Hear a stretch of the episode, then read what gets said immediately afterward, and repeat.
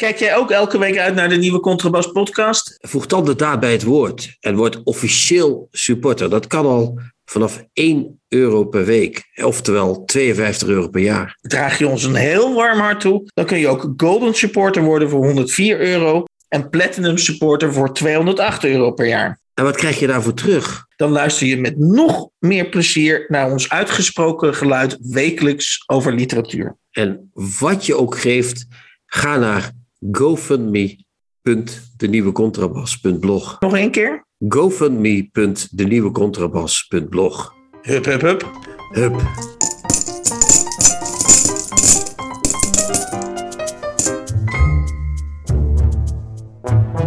De nieuwe Contrabas. Podcast. Over hedendaagse literatuur en de wereld daaromheen. Met Chrétien Breukers, een elitaire Limburger. En Hans van Willigenburg, zomaar een Zuid-Hollander. De, eh, de tweede Rotterdam-aflevering. We zitten hier gewoon met, Ja. eh, in dezelfde ruimte. Eh normaaliter eh, eh, zijn wij een, een wonder van, netwer- van, van digitaal netwerken. Eh, Nijmegen, eh, Rotterdam, eh, Rotterdam, nou ja, eh, Brussel, niet te vergeten. Antwerpen. Antwerpen, nou ja. En nu zitten we ook met een fenomeen in één ruimte. Dus ik durf bijna niks te zeggen. Maar we gaan het zien vandaag. Of het lukt. Gaan we al verklappen wie dat fenomeen Ja, is? dat is Arjen Duinke. Dat hebben we al gezegd van tevoren. Dus dat komt goed. Ja. Eh, hij zegt vooralsnog niks. Maar het, het fenomeen houdt, zich nog, tot hij houdt, zich houdt zich nog even We wachten tot hij zich bemoeit. Ja.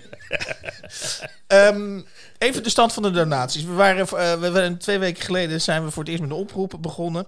En eh, er zijn eigenlijk twee, twee, twee dingen die ik even met je wil doornemen. Eén is eh, de absolute stand van de donaties. We zitten tegen Rond de 2000. we zitten ja. rond de 2000. Dat vind ik, een heel, vind ik heel netjes. Dus daar zijn we tevreden over. Maar daar zijn 21 of 22 mensen verantwoordelijk voor. En Ja. als we nagaan dat we dus tussen de 5 en 800 luisteraars eh, hebben, dan zitten we even hoofdrekenend zitten we ongeveer op de 3, 4 procent. Dus daar zitten nog Ja, groeimogelijkheden. er zijn, we, we moeten nog groeien. En er zijn wat toezeggingen nog van mensen die gaan doen dit weekend. Ah, Dus we, we, we zullen wat hoger zitten. Maar de mensen zijn nog niet van ons af. Dus we blijven die tune uitzenden totdat iedereen eh, gegeven heeft. En dan pas houden we ermee op. Dus ik zou zeggen, mensen, om er vanaf te zijn, geef. Dan, daarna hoeven wij niet meer te klagen. Nee, en, nee. en nog te vragen. Dus we zullen zien. Oké. Eh, en dan ga ik met een schuin oog naar een eh, concurrerende podcast. Hoewel, zij zullen ons niet als een concurrent zien, maar dat doet niet toe. Ik wil even een klein, klein diepte, heel klein dieptepuntje. Heel kort even. eh, eh, een andere podcast die doet dat natuurlijk ook altijd. Dus ik, ik heb recht op mijn eigen dieptepuntje. Ik zag namelijk deze week, eh, eh, heeft mijn dochter... eh, heeft een filmpje gemaakt toen ik eh, op, eh, in een gymzaal een, pro- probeerde een bal in een basketbal, in, sorry, in een basketbalnetje te gooien. En dat ging op zich heel goed, maar ik zag mezelf zo van, nou laten we zeggen 10 meter, 15 meter gefilmd. En ik zag zo een, ja, een soort, soort, soort schuifelend, eh, ja, hoe moet ik dat nou zeggen? Een schuifelend gewicht over de gymzaal doorheen. En ik denk, jezus, je kan wel een podcast over literatuur maken, maar dat, dat, die, daar komen wel kilo's bij. Eh, dat zijn leeskilo's die ik daar zie eh, rondschuiven. Ik, was daar, ik werd daar niet, on- on- niet vrolijk van. Dus ik dacht, Ja. ja, dat, dat, dat is. Voordat de mensen denken dat het allemaal vanzelf gaat, die podcast. je leidt daar dus wel Ja, degelijk ja, rond. ja, wij leiden enorm. Wij leiden sowieso voor onze luisteraars natuurlijk. En, eh, en, en, en daar, daarnaast leiden we voor de hartvereniging, et cetera, et cetera. Maar eh, wat, wat, ik begrijp niet helemaal wat je bedoelt. We, Nou, worden, ja. te, we worden te dik eigenlijk. Of Ja, wat, eh, wij ja. worden als, omdat wij de mensen willen plezieren met een podcast, dat is mijn, eh, de kern van mijn mededeling, eh, ben ik dus enorm aan het uitdijen. Oh, oké, op die manier. Ja, Ik bedoel dat als mensen geld overmaken, dat je minder uitdijt. dat, dat is wat Dat, dat is een heel En, goed, en, dat is een hele goede gevolgtrekking. Ja, ja, geld overmaken en dan gaan wij allemaal naar de sportschool. Dan gaan we samen naar de sportschool. Ja. Dat lijkt me trouwens wel geweldig. Trouwens, Dat we samen gaan spinnen of zo. Anders. Dat ook wel leuk.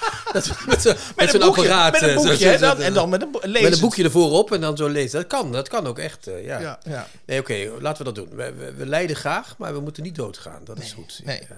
Goed, dan eh, nog eventjes, dat hebben we ook regelmatig, is dat ik even wat dingen moet rechtzetten. Vorige week hebben we het gehad over de roman De Hooier van Riekes van de Koevering. ja. En toen zaten wij, en dat was toch wel erg slordig, dat, dat, dat die roman speelde zich af in het dorpje Angelrun. En wij, wij, wij dachten eh, allebei volgens mij dat jij dacht dat. En ik heb daar, ben daar laf in meegegaan. Eh, Dat is wel waar. Maar goed, ik heb dus nu ben ik er dus achter dat het woord Angel, of sorry, het dorp Angelrun dat bestaat dus eh, niet. Dus dat is een fictief dorp. Niet dat onze interpretatie van het roman daardoor ineens heel, heel 180 graden zal Nee, omdraaien. het blijft een slechte roman. Dat is jammer. Ja. Dus we, we rectificeren het dorp, maar de roman is helaas niet goed. Eh. Ik las ergens dat het, eh, eh, dat het eventueel model, of dat Zutphen eventueel model had gestaan. Dat is voor- geen dorp, Ang- toch? Angelrun. Nee, dat is eigenlijk geen dorp. Hè? Dat is ook een beetje Ah, een te groot plaatsje. Goed, enfin. Ehm, wat hebben we nog meer te verhaalstuk? De Hans Vervoortprijs. eh, ja, fantastisch. daar, daar had je, dat, dat, kon, eh, dat, Ja, is- daar kan dat is ik jouw echt, puntje. Ja, Wat- daar kan ik echt uren naar kijken. Dat was, dat was, Hans van Voort heeft een prijs ingesteld, want hij had zijn huis, weet je nog? Ja, dat we dat ooit besproken hebben, voor 1,6 miljoen verkocht. En die geeft 5000 euro aan een schrijver. Is en- niet 10.000? Ja, dat is door een gift, zegt hij steeds, ver- verhoogd naar 10.000, maar hij zelf gaf 5000. Oké. En het prachtige aan die prijs is dat die prijs wordt uitgekeerd aan een schrijver van zuinig proza. Nou, hoe, hè? Hoe, hoe erg wil je het hebben?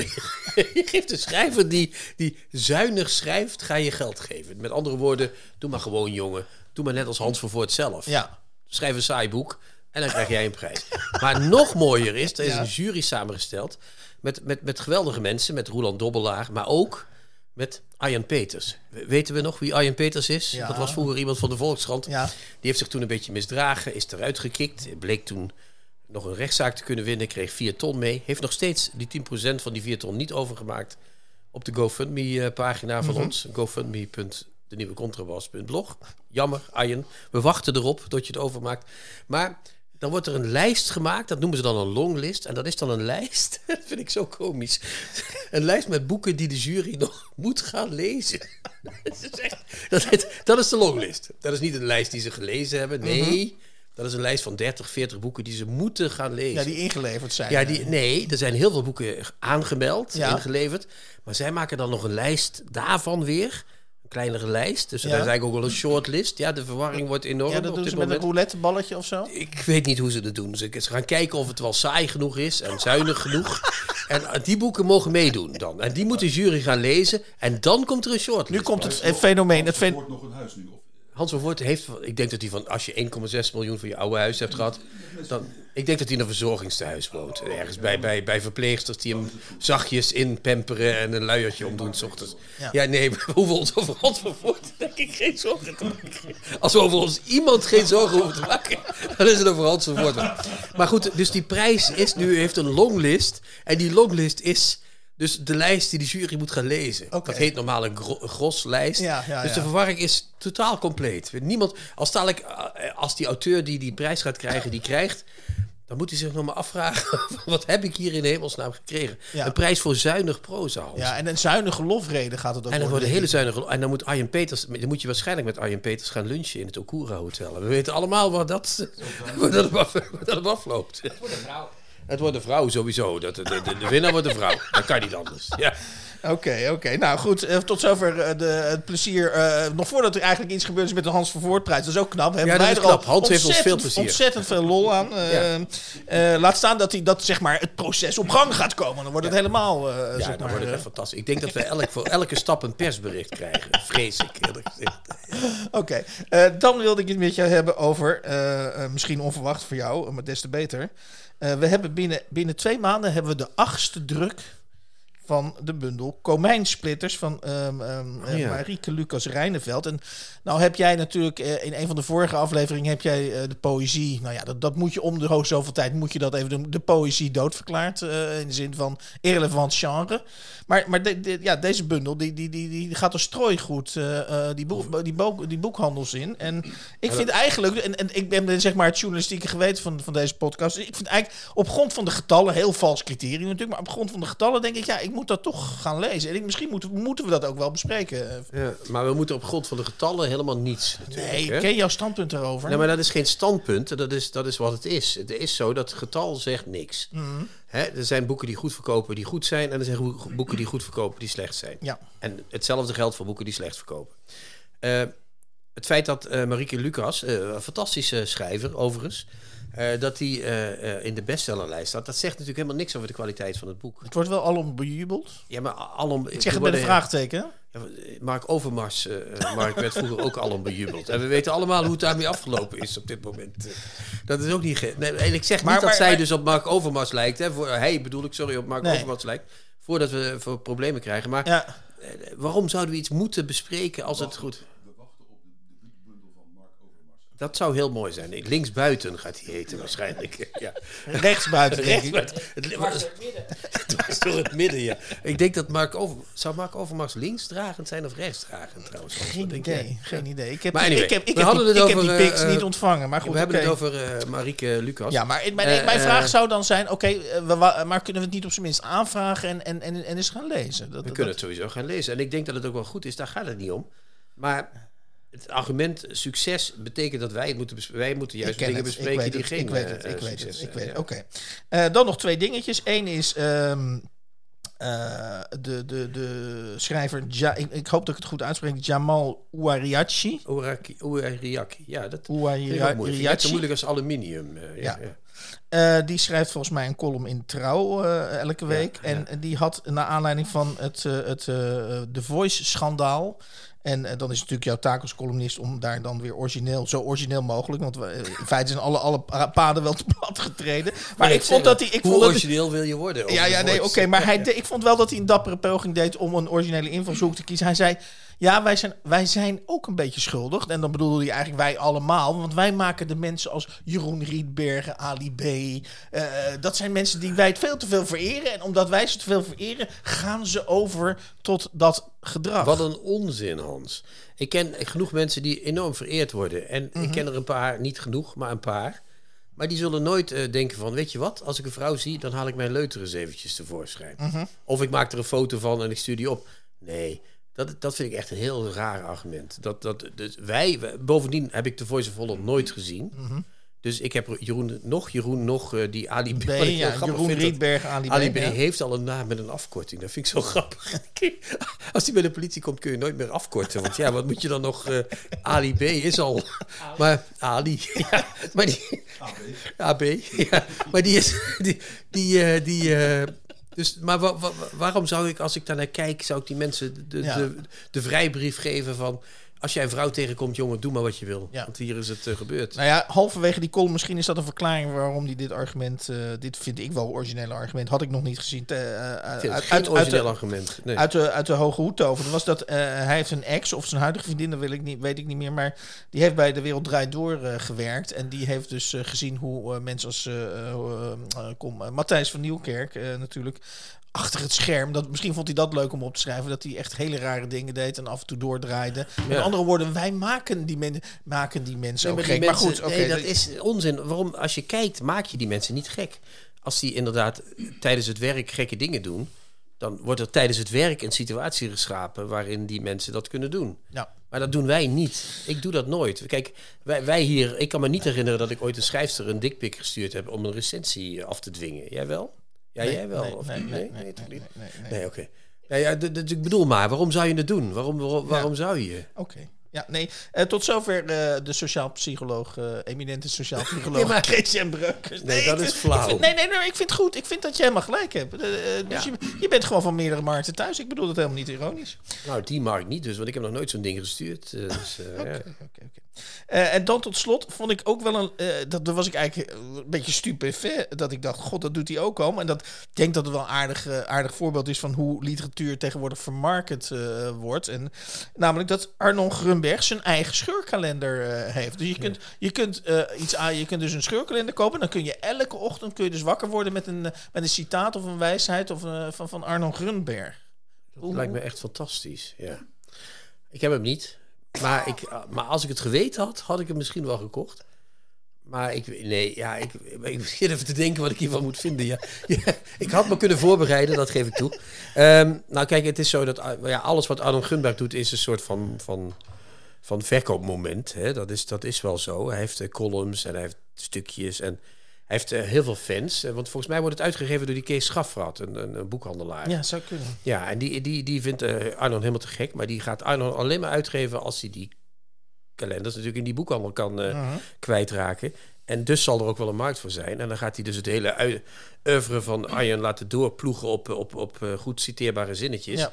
Eh, eh, zei ik nou Arjen? zei ik, ik zei ja, dat die zit tegenover me. Ik bedoel Arnon bedoel Ja, ik ja, ja, eigenlijk. ja, ja, ja, en ja. eh, en eh, als, als, dus dan laat hij dat hele oeuvre doorploegen Ja. op goede, leuke stukjes.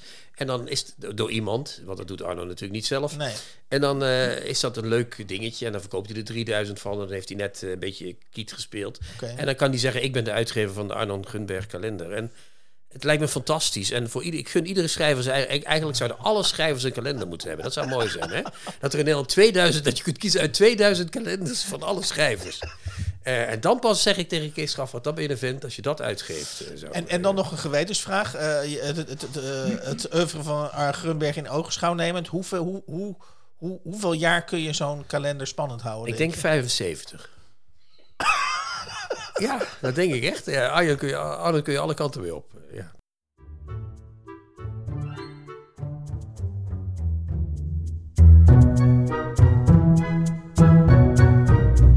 De nieuwe Contrabas. Podcast. Een man zit op een stoel. De stoel staat bij een tafel. Een man zit dan ook bij een tafel, niet echt aan een tafel. De afstand tussen stoel en tafel is te groot. De geleerden zijn er nog niet uit. Waar ligt de grens tussen bij en aan? Nader onderzoek is wenselijk. Een man zit bij een tafel, bijna aan een tafel. De man zit op een stoel en kijkt voor zich uit. Hij zit op een stoel in een kamer op de tweede verdieping van een huis dat verder een begane grond, een eerste en een derde verdieping heeft. Twee trappen brengen hem dagelijks naar beneden en naar boven. De man is een man die graag alleen is en graag in gezelschap verkeert. De deur van zijn woning is nooit op slot. Hij zit op een stoel en zegt hallo als toeristen bij hem binnenkomen. Hij zit bij een tafel en kijkt voor zich uit. Hij ziet een muur met een schilderij. Of hij ziet een glazen wand met daarachter glaswerken. Of hij ziet een boekenkast met souvenirs. Of hij ziet een gaskachel en twee grote ramen, afhankelijk van waar hij bij de tafel zit. De man praat graag met toeristen. Ze lopen de twee trappen op zonder lawaai. Eenmaal in de woning van de man nemen ze plaats op stoelen die hij voor hen heeft neergezet. De stoelen staan bij de twee grote ramen en bieden uitzicht op het centrum van de stad. Op de kerken en het stadhuis, op enkele tuinen en op weg- en waterbouw, op het gemeenlandshuis en op de TH van de bibliotheek. Eerst vroeg hij de toeristen steeds waarom ze bij hem kwamen. Inmiddels weet hij dat toeristen bang zijn voor het centrum van de stad. Ze willen er naar kijken, maar erin opgaan is griezelig.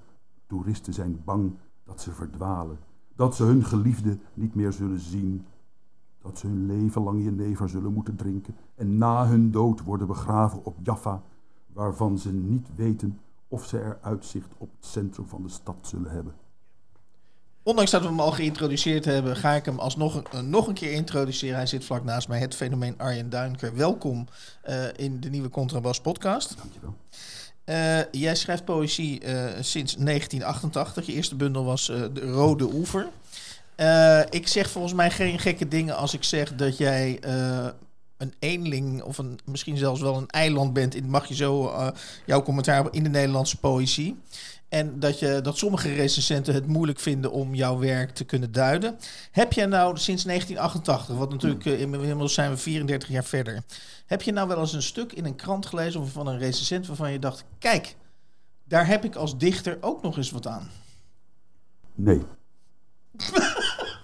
Nou, dat, is, dat is een helder antwoord. daar kan ik kort over zeggen. In, in kranten niet. Nee, ik heb ooit, heeft eh, Rutger Cornets de Groot een goed stuk geschreven, geplaatst in... Op zijn eigen blog waarschijnlijk. nee, nee, nee, nee, Meander was dat. Ah, Meander, ja. Het was echt een mooi stuk.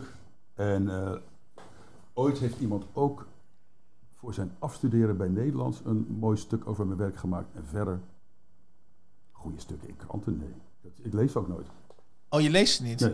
Nou ja, ik ze worden me toegestuurd, zo gaat dat wel. Ja. Eh, eh, En, en, en hoe, ga, hoe en gaat dat dan- en Weet dan, dan en ga dan je laat ik ze de tijd liggen, dan kijk ik er eens naar. Dan denk ik, ja, nou ja, ik had het inderdaad niet eens hoeven lezen. Maar je bent dus 34 jaar dichter, althans publicerend dichter. Publiceer, in, in, officieel. in, eh, in boekvorm, in boekvorm. officieel Heel publicerend goed, dichter. Heel goed, heel goed. En je hebt nog nooit een recensie gelezen waarvan je dacht, voel je je dan een beetje, hoe voel je je eigenlijk daaronder? Onder dat, Ik eh, ma- ik ma- ik maak maakt je geen moer Het uit? maakt me eh? eigenlijk helemaal Nee?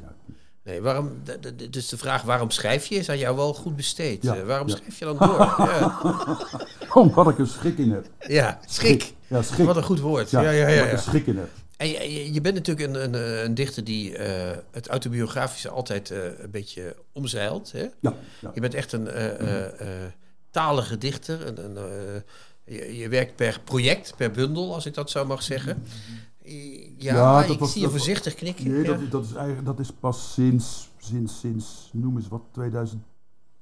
Twee, ja, wat was er toen gebeurd? Even kijken. eh, nee, ja, met 2002, misschien vier vergelijkingen. dus misschien, ja, toen begon dat een beetje. Toen begon dat, eh, ja. En toen kreeg ik daar ook eh, plezier in om dat, om dat zo te doen. Om mezelf, en dat is natuurlijk het idee ervan, om mezelf een, een, een vorm op te leggen of een richting uit te duwen waar ik eigenlijk niet heen wil. Ja, En, en wat, welke richting wilde je afhankelijk niet heen? Nou, dat, dat, ik, ik draag mezelf graag uit. Dus ik, eh, op een gegeven moment, het klinkt wellicht eh, eigen, eigenzinnig of eigenwijs, maar op een gegeven moment... ik, weet ben van je- je, ik verwacht weet- van jou niet anders. Weet eh, je, weet, je, weet, je, weet je wel dat je, hoe je een gedicht schrijft, nietwaar? Dus dat is dan, daar gaat de lol een beetje vanaf. Dus Mhm. dan is het leuk om een, een manier te vinden om jezelf een beetje achter je vodden te zitten. Dus toen kwam je met die conceptuele bundels. eh. Nou ja, conceptueel, maar gewoon een plan. Of Ja, een, ja, in nou ja, dit- dat is een in, in, dit, in dit geval gewoon een titel. Ja, want nu begin je, want het- daar wou ik naartoe. Ja, Want nu kom je met een bundel autobiografie tot op de dag van vandaag. ja die titel. Dan denk ik als lezer, hé, hey, hij is terug naar de autobiografie eh, gegaan. Nou, nee, ik, ik- ik- nou, je zei nou wel dat ik nooit iets autobiografisch, of dat ik dat omzeilde. Dat, die auto, dat autobiografisch, dat is... Dat doe je in deze bundel ook min of meer natuurlijk. Maar Ja, nou, er zitten opmer ja, god, opmerkelijk opmerkelijk- autobiografische opmerkelijk fragmenten. veel waarheden. in Ja, ik Dat- weet het. Ja, ja, ja, ja. Ook heel Ik veel dingen die waar hadden kunnen zijn. Dat is ook heel mooi. Dat Ja. is ook autobiografisch. Ja, zeker, zeker, zeker. Ja. Nee, maar dit, nee, eh, die titel verzon ik in 2010 of zo. En toen, maar goed, ik, hij zou al in 2012 zijn verschenen. Oké. Toen ben ik heel erg ziek, dus dat, kon, eh, dat jarenlang heeft dat allemaal stilgelegen. En ik, maar dacht tijd, goddomme, ik moet hem een keer wel maken. Want hij, het was een soort, ja, ik voelde me daar zo, Maar Wat triggerde jou in die titel dan? weet ik niet. Ik dacht, wat een vreemde titel. En wat vervelend, dat, auto- die autobiografie, dat is niks voor mij. Ja. Daar heb ik geen zin in. Dus dat had ik toch gelijk. hè? Ja, dat wel. Ja, maar om het, kijk, ik, ze hebben altijd elementen, eh, namen of plekken eh, uit mijn leven in mijn werk gezeten. Ook gewoon verborgen. Ja. Er zitten allemaal dingen in mijn Tuurlijk, werk die ja. niemand ziet. Dat geeft niet, het is gewoon voor mijn eigen lol. Nou, nou, nou, nou, nou verklap ik niks als ik zeg dat, dat we elkaar vaker gesproken hebben. Eh, de- dat is ook helemaal niet erg. Eh, jij zegt, oh, eh, een van de dingen die je altijd over je eigen poëzie zegt, dat intrigeert mij. Ik zie niks. Nee, dat klopt ook. Ja. Oh, je- maar maar je ik, vert- Nee, vertaal dat het- ook als je, je wil niks zien. Nee, nee, nee, dat wel niet. Nee hoor. Nee, nee, ik, het heeft te maken met het feit dat eh, je kunt, noem eens wat, eh, je schrijft eh, man fietst over straat. Ik zeg wat stoms op. Eh, dan zie ik, als ik dat schrijf, zie ik totaal geen man. En die fietst ook niet over Nee. straat dus dan? Nee. Helemaal niet. Het, dat zijn alleen maar woorden. Oké. Bij mij werkt dat niet. Dus ik, ik zal dus ook niet, je zult mij niet gauw betrappen op expres beeldrijk taalgebruik. Want dat, ik zie, ik denk niet zo. Nee. Ik vind het ook afschuwelijk overigens hoor, beeldrijk eh, taalgebruik. Mhm. Ja, dat, ja, ja, bah, zeg je echt. bah, ja. Maar, maar waar, waar, waarvan waar die af, ik aversie? Nou, er niet van. Nee. ja. Maar je bent ook verre van een. Je bent wel een hele eh, eh, talige schrijver, zei ik net, maar je bent inderdaad geen beeld, niet, niet bloemrijk in ieder Nee, nee, geval. nee, dat, ben je zeker niet. Nee, nee, een beeldspraak. Bij jou krijg je wat je besteld hebt, eh, zeg maar. allemaal. Ik, Ja. is niets voor mij. Nee.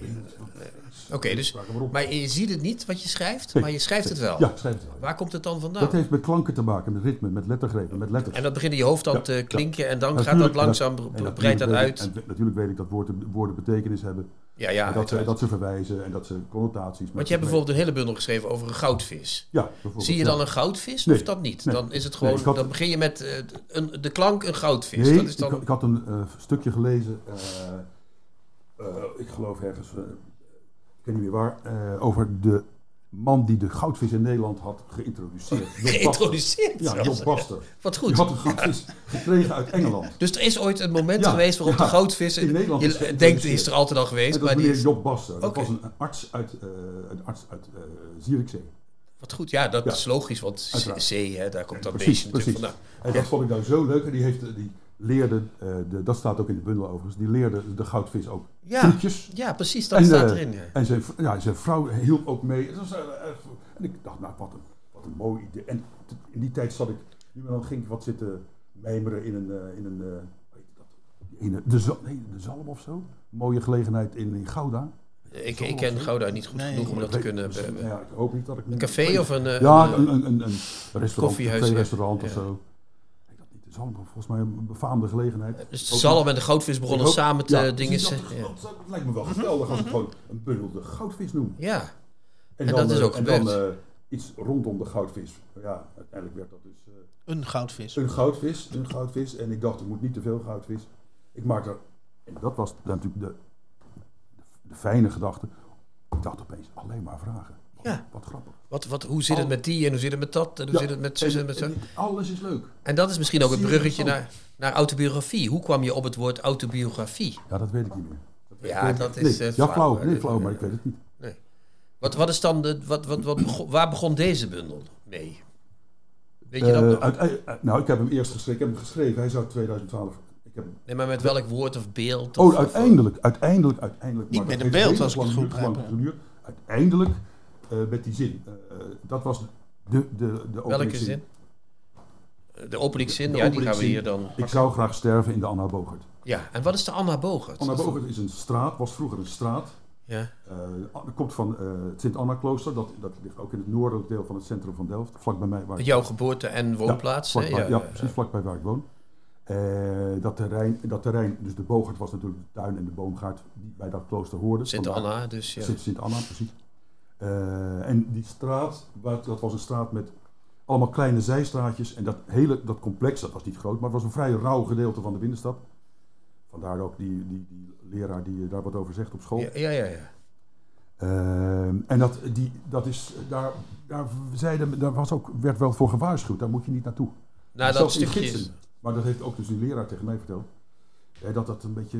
En ik dacht altijd, wat, wat een flauwekul, waarom zou ik daar niet heen? En ik woon er nu om de hoek. Ik fiets er dagelijks drie, vier keer langs, er doorheen. Ja. En ik groet iedereen. En iedereen, hé, hey, hey, ga zo. Hey. Hey, Ziggy, eh, moet je niet zingen vandaag? Zegt ze dat tegen jou, moet je ja? Wat leuk, moet je niet zingen Wat vandaag? een, wat een gekke stad voor jij Ik eigenlijk. altijd, ik Ja, weet hoe het gaat in Delft. Oh, jij Ja. zingt echt. Ja, Ja, ja, zing, Oh, ja, jij ja, dan. ja, Dan ja, begrijp ja. ik het, ja. ja. Ja. Maar eh, komt het niet, eh, ik probeer er een soort samenvatting van te maken. Komt het eigenlijk niet op neer dat waar, eh, ik zou bijna zeggen, gewone mensen eh, eh, iets lezen en dan doorlezen, Arjen Duinker op tamelijk onorthodoxe momenten denkt: hey, hier moet ik een poëziebundel over schrijven. Nee, Eh, want hij is nog niet bij het punt waarop hij wil sterven in de Anna Bogert. Want hij wilde er... Oké, hij mocht er ja, niet nee, maar het heen, gaat er mij meer om, dan- om het duiden van de dichter eh, Arjen Duinker in zijn geheel. En waarom die dus... eh, want dat is het punt. Jij kent ook geen navolgers. Of je kunt eigenlijk in de Nederlandse poëzie niet zeggen... nou, dat lijkt een beetje op Arjen Duinker. Je bent, je bent volstrekt uniek daarin. Ik, ik lees te weinig poëzie om daar... Ik weet dat je dat wel doet. over- Dat doe je wel. Over te kunnen oordelen. Ja, Ja, ja. ik lees wel... Je neemt jezelf nu in bescherming. Nee, nee, nee. Ik lees nu dan van, eh, van Jan en Alleman eh, één of twee gedichten. Dat is genoeg. Ja, dat, ja, dat bedoel ik. Ja, ja. Maar daar gaan we nu niet op verder. Want, Nee, nee, nee, precies. precies. want je bent dus eh, bij de Anna Bogert, dan kom je uit en dan, dan, komen we, dan zijn Dat- we er nog niet. Dan moeten we naar die bundel nog. Ja, maar dat, we- dat was de openings. En als je eenmaal een openingszin hebt, dat werkte bij mij, dan, dan dat, die geeft moed. ja. Die geeft eh, lef en durf. En die geeft ook een vervolg. die geeft dan, vrijheid. Ja, dat is Dat- het. dat Oké. het gaat om de Vrij- vrijheid. jij, Dat- jij bent wel een vrije dichter, hè? Dat is, kan ik wel om- zeggen. Ja. Die vrijheid moet ik, die moet ik Hebben. Die, die moet ik, ja, die moet ik hebben, maar die moet ik ook veroveren. Elke keer opnieuw. Ja. En dat is elke keer, en het werkt nu, de laatste bundels, steeds op een andere manier. Maar die moet ik wel veroveren. Op, op wie? Op mezelf misschien. Ja. Ja. Ja, Maar ja. even, e- even, misschien een hele saaie vraag, maar dat moet ook even eh, gebeuren. Ehm, eh, je, je- je bundels hebben misschien een concept of een the- Nee, je ja, weet, concept, dat ik heb geen thema, concept. the- zelfs geen thema, geen thema. Nee joh, ook geen thema. Oké. Nee? Wat, wat is Nee, ga verder. Nee, nee, oké. Dus, dus eh, eh, nu, nu we dus eh, eh, een autobiografie tot op de dag van vandaag, jouw, jouw nieuwste bundel, zeg je niet. Het thema is autobiografie. Nee, dat is ook geen thema. Dat is waar. Dat is een, mo- dat is een motief. Of Dat is een motief, of oké. Of een onderwerp. Maar, wat, Maar, maar, maar, Sorry. maar al, die, al die termen, thema's, motieven, eh, eh, dat is op jouw werk niet. En dat stel, wil ik dan even hierbij officieel vastgesteld hebben, is op jouw werk niet van Oh ja, toepassing. Ik doe er niet aan in elk geval. Wat anderen eruit halen, dat, dat, dat mo- moeten ze zelf weten. Je, schreef in je eerste bundel, hè? Rode Oevers. Ja. Rode Oever of Rode Oe- Oevers, Rode dat weet ik nooit. Rode Oevers, Oever, sorry. ja. Rode- Tegen de inhoud, tegen de persoonlijkheid, tegen de essentie. Tegen Dus de dat daar sta je nog steeds achter. Ja, prachtige zinnen. Ja, Prachtige zinnen, ja, ja, ja. ja. Mooi. maar dus dat, is nog steeds, dat gaat nog steeds Wel, over. Geen gezeur over persoonlijkheid. Nou, nee. Ja, precies dat, nou, met, die, met die, grote poeha om die woorden heen. Die Ja. geval heeft me nooit eh, gelegen, zou ik maar zeggen. En, en, en dat soort dingen als essentie, ja, dat zijn, eh, heb ik wel- misschien wel eens verteld. Oh, die naam komt trouwens in de bundel voor. Mevrouw Elze Bart. Ja, Dat was een docent, een hoogleraar, pardon, eh, in Groningen. Toen ik daar studeerde. En die, eh, filosofie. filosofie. En die, die, dat, die was eh, Noorse van geboorte. En die was, had dus, was ook gestudeerd bij de Noorse, Noorse argumentatietheoreticus Arne Nes. De beroemde, eh, De beroemde even beroemde als verguisde Ardennes. Ja, wel- wel- wellicht. Jullie zullen het alweer veel Nee, nee ik, ik verzin maar wat nu. ik heb geen flauw idee. ja. De, de Arne Nes-prijs, dat kunnen we nog wel hebben. Ja, dat, is van, dat is de broer van Hans van Voort. Ja, ja. Maar, eh draad kwijt. Oh, Maar de- je hebt van Else Bart gehoord ja, dat... nou goed. Die, eh, die was gepromoveerd op het, eh, ten eerste prachtig op het woordje, eh, lidwoordje de. Ja, Wat ik al zo machtig mooi vond. Die schreef ook, die, zin- vandaar mijn gedichtje ooit in de eerste bundel. Oh, ja, ik heb hem later gebruikt in mijn eerste Hollands Maandblad publicatie. Het gedichtje De moet een zijn. Dat was regelrecht van haar afkomstig. fantastische zin. Ja, ja, ja. De moet een zijn. En ze was ook ze was, ze, ernstig tegen essentieel, essentieel denken. Ging- ook, eh, het ging, dat ging heel ver. Ze was ook wel een beetje een rare mevrouw, geloof ik. Maar goed. Had toch, Hoe heet ze ook alweer? Else Bart. Wij moeten haar eh, herontdekken, denk ik. Nou, dat zo ja, het was ook een moeizame mevrouw. Ja, dat lijkt me wel fantastisch. Ja, ze ja. schreven ook op het bord of ook, eh, dat wij een keer dat klaslokaal binnenkwamen. En daar stond er eh, de beste romans worden in de natuurwetenschappen geschreven. En dat vond ik toch ook wel grappig. Het was een radicaal type, zeg maar. Nou, dat mag, dat mag je wel zeggen. Ik geloof niet dat ze alleen maar vrienden had. Nee, wat goed zeg. Ja, fantastisch man. Ja. Ja, Voor mensen nog twijfelen dat we hier met een fenomeen aan het, aan het praten Ja. zijn. eh, eh, we, we hebben net nog even al- alles, enig, een paar dingen doorgenomen. Een van jouw gedichten eh, eh, is in maar liefst 200 talen eh, eh, Ja, vertaald. ja. Of meer, of misschien Nee, zelfs nee, wel nee, meer. niet meer hoor. Nee, niet meer. 200 talen. meer talen zijn er niet. Nee, volgens mij. Ja. Er zijn iets van 7000 talen. Eh, oké. Dus, dus, dus zeg maar, nou niet meer waarschijnlijk. Maar. Sterven er ook uit. Ja, tuurlijk, tuurlijk. tuurlijk. eh, ik zou bijna zeggen, hoe heb je dat? Is dat is, gaat het volledig buiten jou om? Of moet je nog een vinkje zetten? Doe ook maar in het eh Ghanees of, eh, of in het ging- dat Zuid-Afrikaans. was een internetproject. En dat speelde, dat speelde zich af. eh, het hoofdkwartier was Leeuwarden. Waar je Het hoofdkwartier. het hoofdkwartier was Leeuwarden. ja. Daar had je de Slal, de literaire Oh, dat was, Leeuwarden. ja, dat was dat. En eh, daar zat Kees het Hart toen bij, want die woonde in die tijd in Leerdam. Eh, in Leerdam moet je mij horen. Hij woonde in Leeuwarden. Maar misschien heeft hij ook in Leerdam gewoond. Weet. Nee, dat deed zeker niet. Zeker niet. En, eh, dus er er werd een, we hadden wat geld van de KPN gekregen, die dat geld als sponsoring, en die, dat ging meteen weer terug. Eh dan kreeg ik meteen weer het internet gebruiken en zo. Dat was toen nog eh, allemaal in, in kinderschoenen en Ja. zo. Of tenminste veel meer kinderschoenen dan, dan nu. En dat, dat, ging, dat ging regelrecht terug naar de KPN, dat was wel schattig. Maar daar zat een... Dan had je nog eh, van die inbelmodems. eh, Had je toen. dat soort dingen. Dat Ja, soort ja, dingen. ja. En er zat een, eh, een eh, inmiddels vriendin van me, die, eh, werd, inge, nou, die werd gecharterd om eh, internetberichten te sturen. En eh, we hadden een paar basisvertalingen laten maken. In het Engels, het Duits, het eh, weet je wel, Swahili. Ja, geloof ik ook Swahili.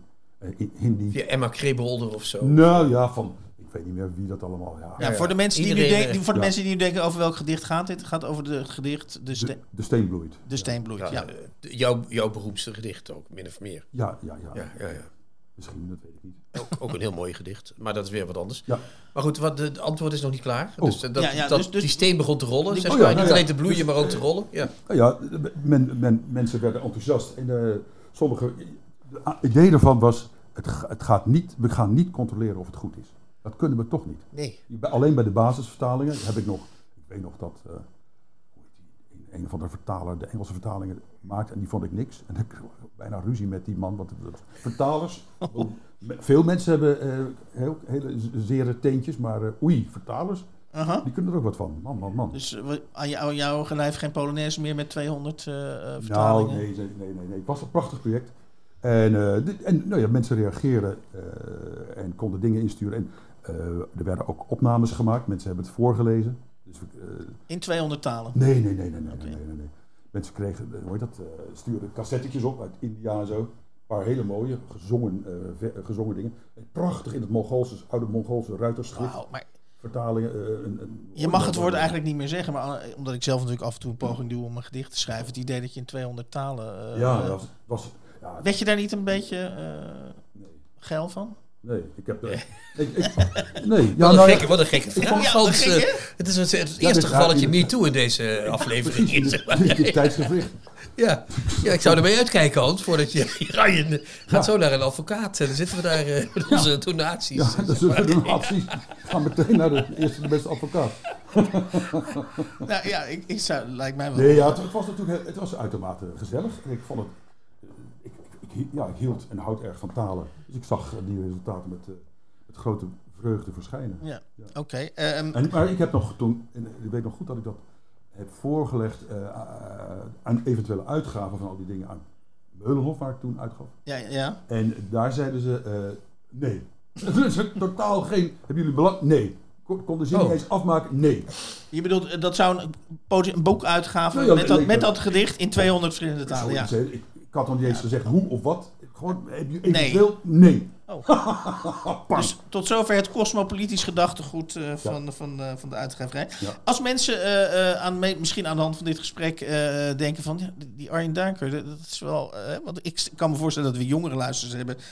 die, die jouw werk nog niet kennen. Mhm. Wat is, als mensen werk geïnteresseerd zijn in jouw werk... dan los natuurlijk van die laatste bundel... maar welke bundel zou jij als introductie willen aanbevelen? Oef, dat is ook weer een... Ja, nou, buurtkinderen. Jij hebt het over jonge mensen, buurtkinderen dan.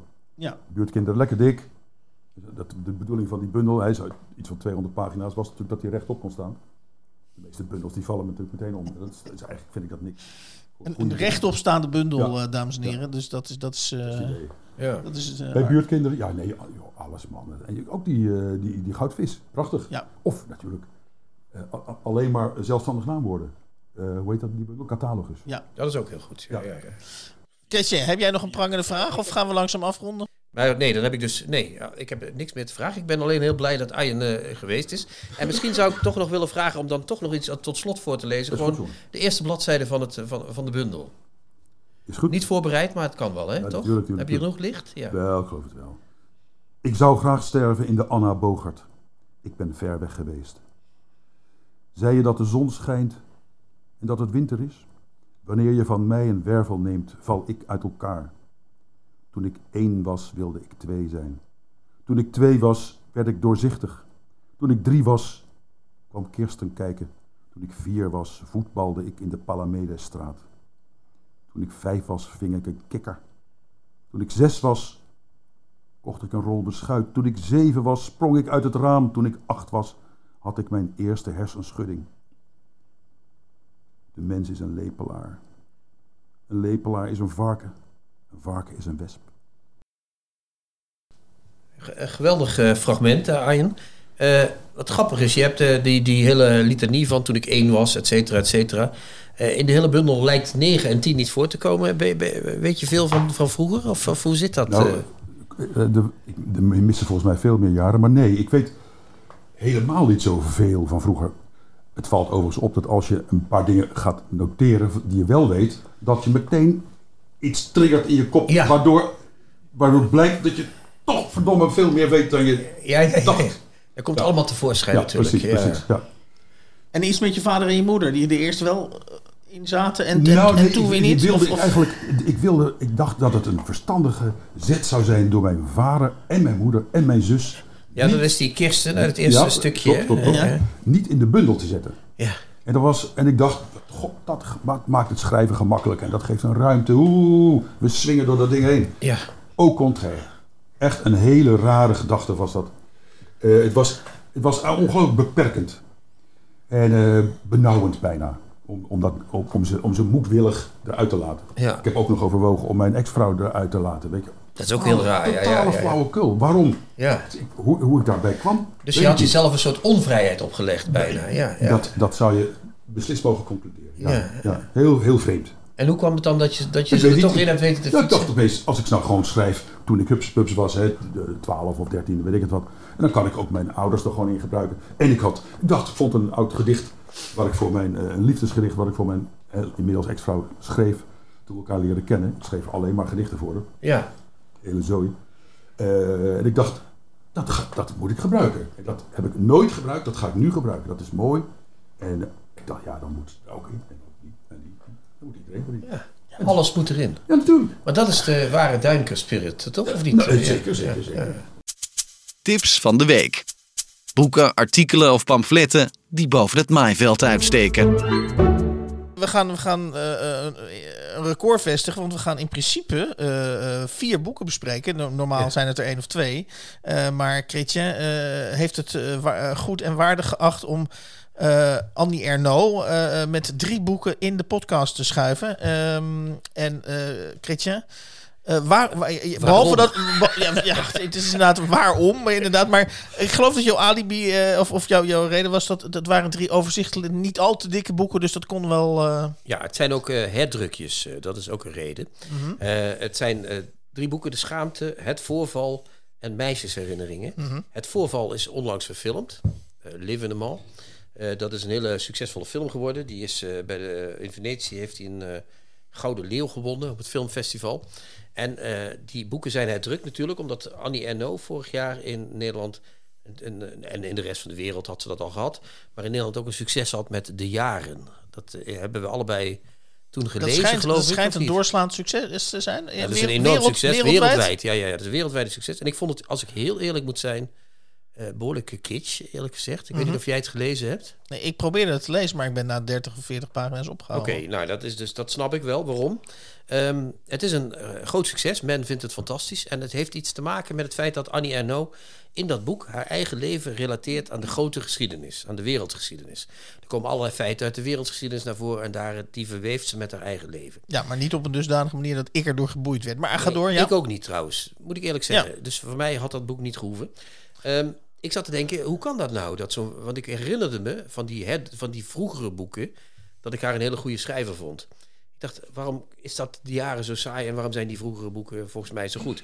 Dus toen die herdrukjes kwamen, zag ik, eh, dacht ik van... nou, dan fiets ik die eventjes eh, in de podcast in. Dan kunnen we die weer eens teruglezen. Heb ik gedaan. En nu begrijp ik ook waarom dat zo is. Eh, die boeken, die, De Schaamte, Het Voorval en Meisjesherinneringen... daarin schrijft ze niet over de geschiedenis... maar over haar eigen geschiedenis... waar ze enorm op inzoomt. Dus ze zou, zoomt heel precies in op... in De Schaamte bijvoorbeeld schrijft ze over... eh, eh, er is een avond eh, in juni, als ze heel jong is... dan slaat haar vader haar moeder heel hard... en dan is ze heel bang dat haar vader haar moeder zal vermoorden. Daar zoomt ze helemaal op in. Wat was de situatie op dat moment? Wij hadden thuis een winkel, dat, dat, dat beschrijft ze dan. Wij, hadden een, wij waren van een lager sociaal milieu. Die mensen moesten altijd zichzelf inhouden, want die hadden een winkel. Dus die moesten alsmaar Moest altijd braaf. eh, braaf zijn. wilt, wilt u nog een onsje extra zeggen? mag het iets meer zijn? Weet je wel, ik ken het, want mijn vader was ook kruidenier. Dus ik, ik, ik vond het fantastisch om het te lezen. Ja. Ik, ik zag het meteen voor me. Van, het is zo, eh, dus iedereen probeerde zich goed te houden. Tot die vader op een dag dacht van... Ja. Ik, ik draai mijn vrouw de nek om. Het is maar één weg nog. ik sla er in elkaar en Ja, ik sla er dood. Nou, dus, dus zij schaamde zich er ook heel erg voor dat dat gebeurd was. Want Ja, en zij is zo'n schrijfster, als ik je even mag onderbreken, die dan inderdaad eh, eh, zegt van dat was een. eh, want dat heb ik. want ik heb, ik heb twee van die drie boeken gelezen. En de derde boek heb ik iets, iets schetsmatiger gelezen. Het zijn allemaal boeken, dat is de overeenkomst, en dan mag jij weer. Is dat het gaat allemaal over defining moments. Juist, dat is het, en, ja. en ik vroeg me wel af, eh, eh, en dat, daar kom ik zo nog wel op terug. Eh, wanneer was mijn, mijn eigen, omdat het natuurlijk hele autobiografische boeken zijn. En, ze- en ze me ook onwillekeurig als lezer laat afvragen: van, wat was mijn laatste defining moment in mijn leven? Nou, ik moest, eh, ik dacht, nou goed, ik kan het misschien wel even verzinnen. Ga ik hier niet, ga ik hier niet, Nee, zeggen, die ga ik hier in, eh, die ga ik niet in het openbaar wat was dat, Hans? Maar, nee, nee, alsjeblieft, doe even niet, doe even niet. Maar wat ik dus heel knap vind, en dan mag jij weer helemaal los, is dat zij, zij schrijft boeken dus over, inderdaad, over die moordscène tussen haar ouders. Nou, nee, niet over, moord, want hij vermoordt haar Nee, niet, oké, sorry. De, de, de, bijna, de bijna moordscène, eh, laat ik het zo zeggen. De, eh, over, eh, Abortus? over een abortus en over haar ontmaagding. Nou, En- wat een soort verkrachting is. Ja, dat we- oké, dat, dat oké. is niet zomaar een ontmaagding. Maar dat zijn dus, en dat vind ik fascinerend aan, aan al die drie boeken, dat zijn dus boeken of gegevens waarvan ik als uitgever, en ik ben een tijdje uitgever geweest, dat je denkt, oh mijn god, nee, dat wordt een verschrikkelijk larmoyant uh, uh, boek. Dat we, en, en wat zij doet, is over onderwerpen waarvan bijna iedere schrijver een, een, een, een, een verschrikkelijk slecht boek zou schrijven. Daar maakt zij goede boeken van. Ja, nee, daar maakt ze niet alleen hele goede boeken van, daar maakt ze echt het snijdt er echt dwars doorheen. Ja, ja, ja. Dus die schaamte voor die ouders die daar wonen in die rotwinkel. Terwijl dat meisje eigenlijk schrijver wil worden of die wil iets worden. Die wil naar Parijs, die wil de grote wereld in. Mhm. Die schaamt zich. Eh, eh, dat voorval waarin die, dat meisje eindelijk naar Rouen is om te studeren, zwanger wordt. Want die, dat meisje dat, dat, dat zit in eh, Frankrijk in de jaren, eind jaren 50. Ja. Dus je hebt nog niet eh, zoveel eh voorbehoedsmiddelen en Ja. toestanden. En Waarop op een gegeven moment de behandelend gynaecoloog tegen haar zegt, ik ben, de, de, de, eh, geloof de zin uitspreekt, ik ben de loodgieter niet. Ja, die wil, de- zij, zij komt- om hulp bij zo'n vent en die Ja. zegt dan zo'n verschrikkelijke zin. Dus zij moet ook enorme moeite doen om zo'n abortus te krijgen. Zij wordt ook volledig met dat schuldgevoel opgezadeld van jij bent een fout eh, meisje. Want jij hebt eh, jongens van haar leeftijd die lichten helemaal op als zij zegt dat ze zwanger is. Want die denken, hela, die meid heeft seks gehad. Die denken niet van, wat zit ze in een verschrikkelijke situatie. Mhm. Die denken, misschien kan ik er ook wel een keer overheen, weet je wel. Het is, het is echt afschuwelijk. En ze maakt die boeken enorm zwaar. En ze, ze schrijft het heel precies op. En ze gaat... Zij zoomt enorm in op die, zoals ze in de jaren op de wereldgeschiedenis eh breed het Mhm. En maakt. dat vonden wij dus niet zo boeiend. Dat Ja? vond ik niet zo boeiend. Zo zoomt ze hier helemaal op dat probleem van dat meisje in.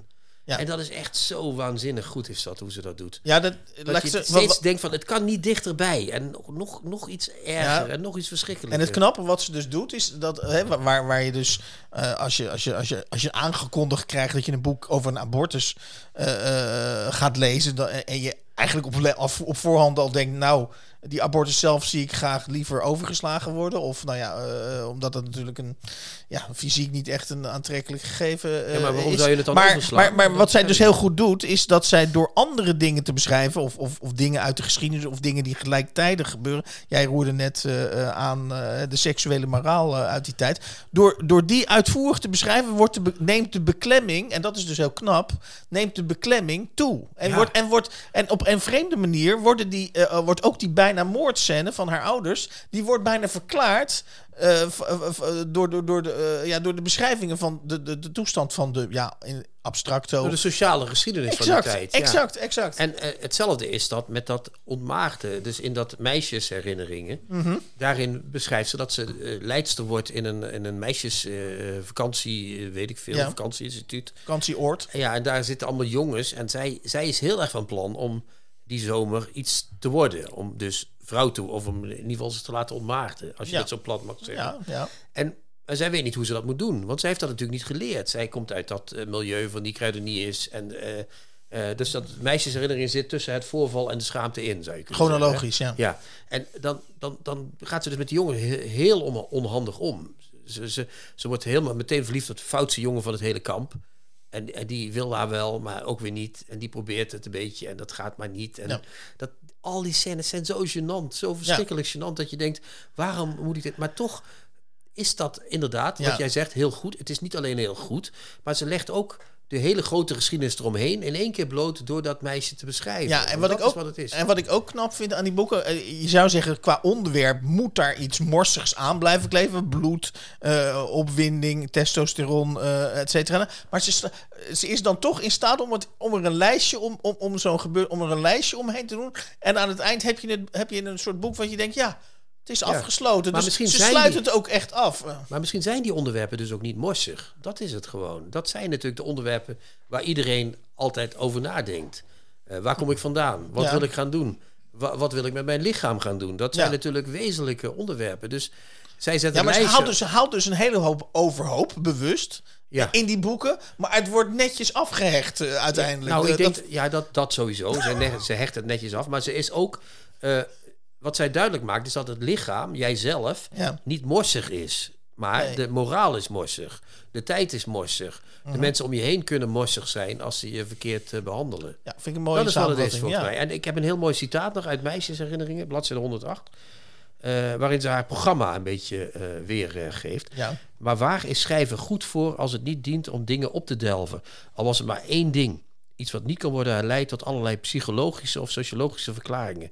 Wat niet voortvloeit uit een vooropgezet idee of een bewijsvoering, maar uit het verhaal. Iets wat buiten de opengelegde plooien van het verhaal valt en waarmee je beter kunt begrijpen en verdragen wat je overkomt en wat je doet. Nou, dat is wat ze dat, die drie Prachtig. boeken eigenlijk. Hè, dit vat samen wat ze die drie boeken gedaan heeft. Die, Ja. die, zij heeft de, haar eigen geschiedenis genomen. En daar gaat ze echt op een manier doorheen dat je denkt. Please, Annie. Ja. Niet bij de borrel, zeg maar. Bij wijze van spreken. Ja, ja, precies, exact. Maar, maar toch denk je, ja, maar dit is wat het is. Dit is wat, wat literatuur is. Ik wil tot slot eh, eh, nog wel even een soort kwali- We zijn allebei enthousiast. Ik ben enthousiast geworden eh, voor deze schrijver. eh, eh, eh, ondanks de onderwerpen, bij wijze van spreken, waar ze over schrijft. Ehm, eh, eh, hoe enthousiast zijn we? Want we, we hebben, er is natuurlijk altijd een, een, een, dru- een, een druk om een soort rangorde. Eh, we hebben ooit in deze podcast Alfred, of nee, Alfred Kossery, geloof ik, heette die? Of, Ja. Ja, ja, ja. Daar waren we heel Albert enthou- Kossery, Oh, sorry, Albert Kossery, daar waren we heel enthousiast over. Dat, daar waren we toen tot, oh, volgens mij was het aflevering 35, tot dan aan toe. Ik zou bijna Arjen Duinken citeren. tot op die dag, de dag van vandaag, waren we toen het meest enthousiast over Albert Kossery. Eh, hoe, hoe verhoudt zich nu Andy Erno eh, daartoe? Zijn we. Hetzelfde niveau. Eh, Annie Ernaux leeft nog. Ja. Is 82, 80, 82, tussen, ergens tussen de 80. Nobelprijs, zeg ik. Ja. Gewoon No- volgend jaar Nobelprijs, ja. Er is maar één kandidaat. mooi. Eh, het tweede boek wat we gaan bespreken is eh, van Chris Keulemans. Eh, het luistert naar de naam Gastvrijheid.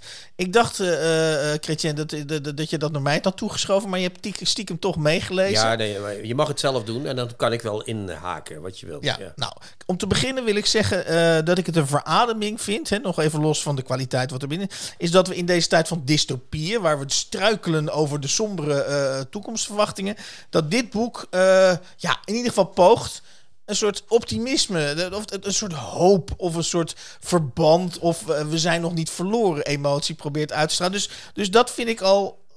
je kijkt me nu heel duur. Ik kijk je, me- ik, ik, je kijkt me nu aan. verwachtingsvol, zeg maar. ja. ik, was, ik, ben- ik, was, ik was benieuwd waar deze zin zou gaan eindigen, zeg maar. Ja. Daarom keek ik zo vriendelijk. Oké, oké. Nee, maar dit boek doet dus een poging om alles ja, een beetje samen te vatten. Of is, heeft de hoop nog In niet... één begrip ook, hè? ja, precies, precies. ja. Heeft de hoop nog niet verloren om de hele wereld inderdaad in één begrip, inderdaad, eh, gastvrijheid samen te vatten. En eh, Chris Keulemans, eh, de auteur, geboren in 1960, die is eh, volgens mij een tijdje van zijn leven is hij directeur van de Bali geweest. Dus, En van Perdu, niet te vergeten. Daar van- begon het allemaal. en van, en van Perdu. Dus, dus we hoeven ons En van geen- de Tolhuistuin ook. Oh, kijk, kijk, van alle correcte plekken in Ja, Amsterdam. dus, dus zeg maar, als mochten we twijfelen of Chris Keulemans tentakels heeft in de internationale wereld, dan hoeven we daar ons geen zorgen te maken. Hij heeft overal tentakels. Nou, Ja. en daar doet En hij dat, dan. moeten we ook, dat lezen we ook trouwens in het boek. Ja, j- jij- ik proef dat jij dat iets te veel leest. Nee, nee, nee, nee, nee, nee, nee. Ik ga Oké, verder. Ga- oké, oké, oké, eh, eh, nou ja, één, één, ik, ik- het is een verhalenbundel. Het is, er zitten allerlei, eh, hè, dus we kunnen moeilijk, dat is lastig voor een recensent om een verhalenbundel in een, in een soort samen, in één verhaal samen te vatten. Ik, ik pik er een paar dingen uit. Een van de, je zou zeggen vintage links, is natuurlijk dat Chris Keulemans een van zijn verhalen situeert in Sarajevo. En Sarajevo is natuurlijk zeg maar het... Ja, dat is de natte droom van alle linkse mensen uit de jaren negentig.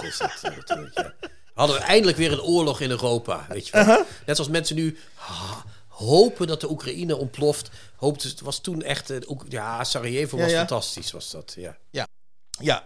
Nee, wat ik ontroerend vind aan dit boek is dat het ook eh, overal waar hij zich eh, ter wereld begeeft, en dat is het Midden-Oosten, Sarajevo. Hij gaat op kosten van de zaak en in de ronde, zeg maar. ja, hij is overal, en dat, dat bedoel ik ook met dat, dat, die, in dat die, die dystopieën, die natuurlijk zeg maar al, eh, zeg maar de, de, de spirit, niet meer de spirit hebben, die zien alleen maar doom, is Chris Keulemans op allerlei niveaus is hij op zoek naar betekenis. Dus hij spreekt met kunstenaars en dan gaat het weer over boeken en dan legt hij een link en op een manier dat je denkt, ja, weet je wat, we zijn nog niet van elkaar af aan het drijven, er is nog ergens een middelpunt en misschien is dat middelpunt wel Chris Keulemans. Dat is natuurlijk eh, het interessante.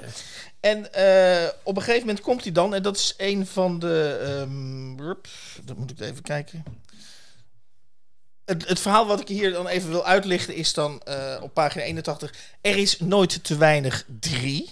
En waar gaat dat verhaal over? Dat gaat erover dat ehm Erich Maria uh, uh, Remark. Remark, ja, Duitse precies. schrijver, ja, ja. exact.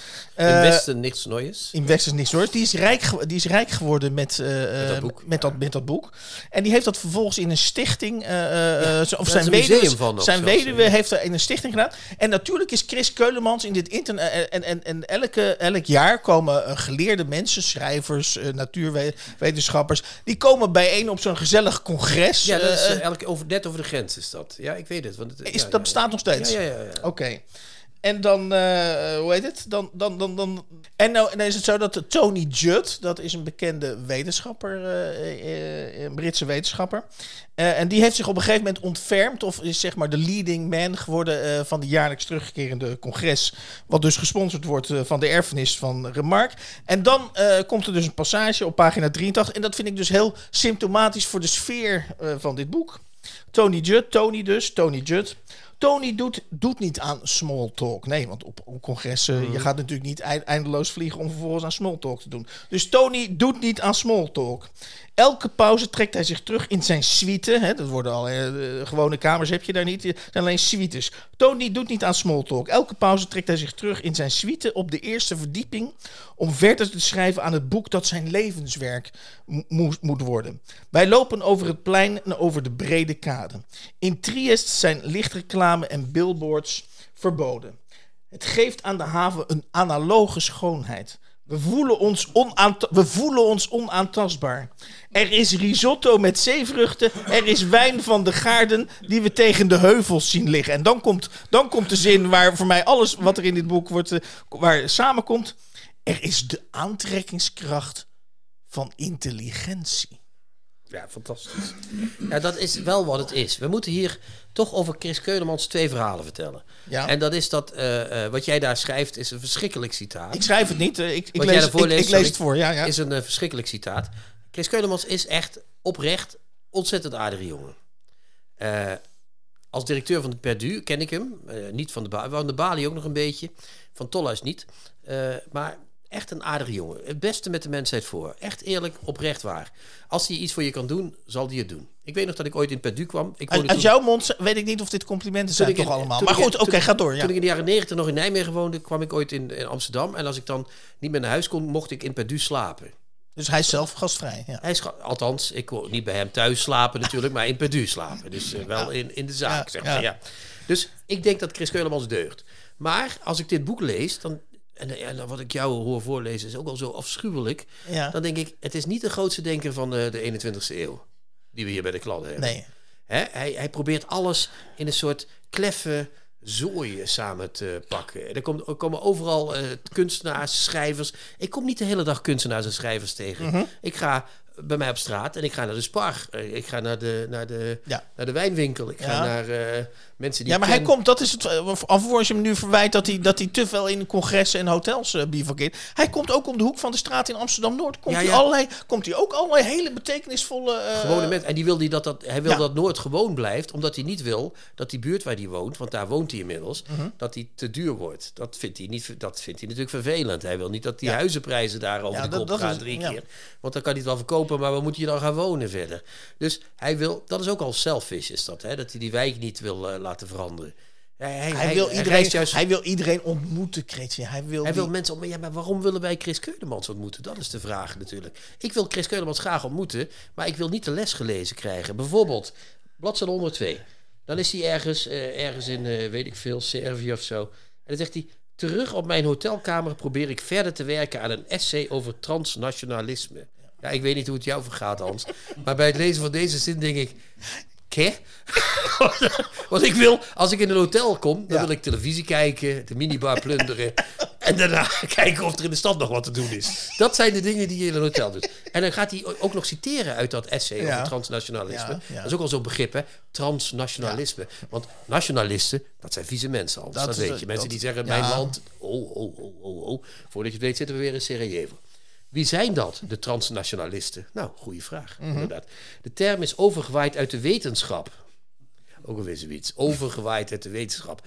Dat zijn toch geen zaden, Hans? Dat zijn toch... Maar goed, John Schuster definieert ze als gewone mensen. Voor, oh, daar hebben we de gewone mensen weer. Voor wie cultuur, gemeenschap, plaats en thuis niet meer samenvallen.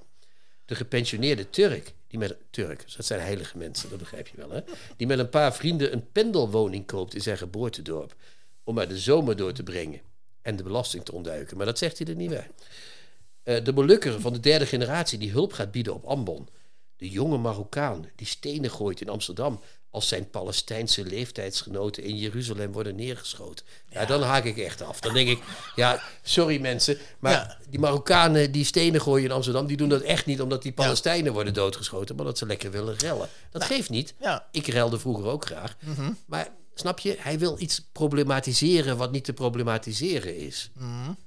Oké. Ik, ga ik te ver voor jou? ik Nou zie je ja, bedenkelijk ik, kijken. ik, ik, ik, ik- de grap is dat ja, eh, jij, dat mag natuurlijk. We mogen vrijelijk citeren en, en natuurlijk kleurt het Ik citeer hier zelfs de heer Keulemans Ja, nee, zelf natuurlijk, in een boek natuurlijk. over Keulemans. Ja, maar de keuze van het citaat kan je, hè, je kunt met je kunt met de keuzes van citaten kun je boeken kleuren in, in, een, in een recensie. En ik merkte eh, in ieder geval dat ik ik was wel gevoelig. eh, dat heb je al aan het begin gemerkt dat dat dat ik eens een keer niet iets dy- dystopisch las en dat ik dat ik niet iets las wat onmiddellijk down the drain gaat. En wat ik wat ik ik bleek gevoelig te zijn. Dat geef ik hier officieel eh, eh, jongens, eh, meisjes. Ik geef het officieel toe hier in de 49e aflevering van de, van de nieuwe Contrabas podcast. Ik was gevoelig voor zijn argument of misschien voor zijn wat misschien kietserige voorstelling van zaken, zo kan je het ook zeggen.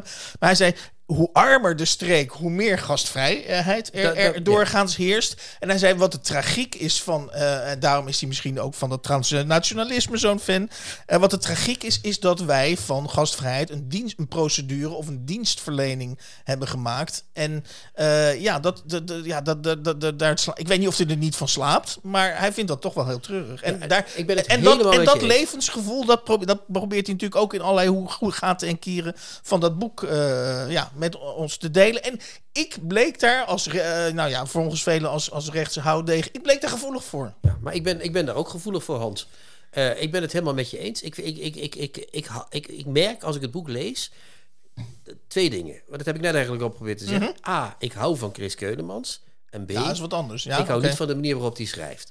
Maar ik hou wel van de manier waarop hij, wat, wat hij bedoelt, daar hou ik wel van. Maar had het wat spitser opgeschreven, dat zou ik zeggen.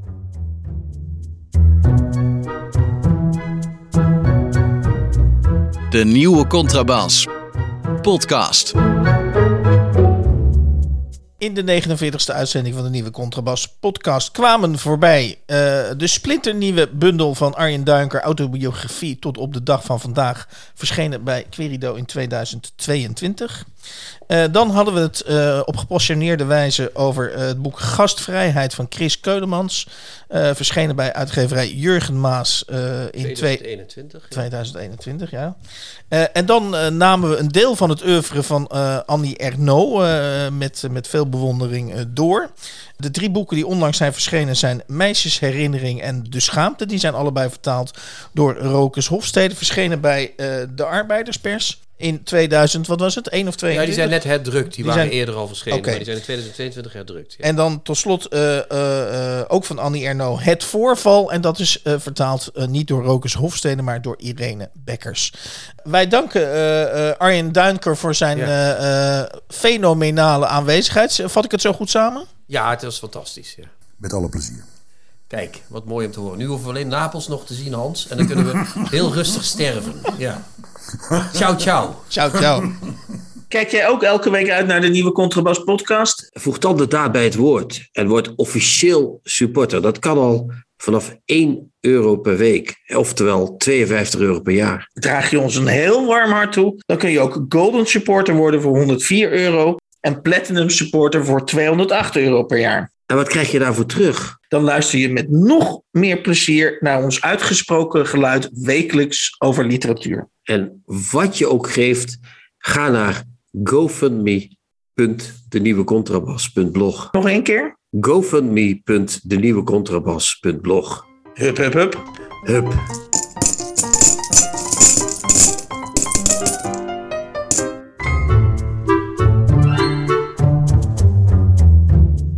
De nieuwe Contrabas podcast wordt gemaakt door Chrétien Breukers, Hans van Willigenburg en Erik Lindenburg.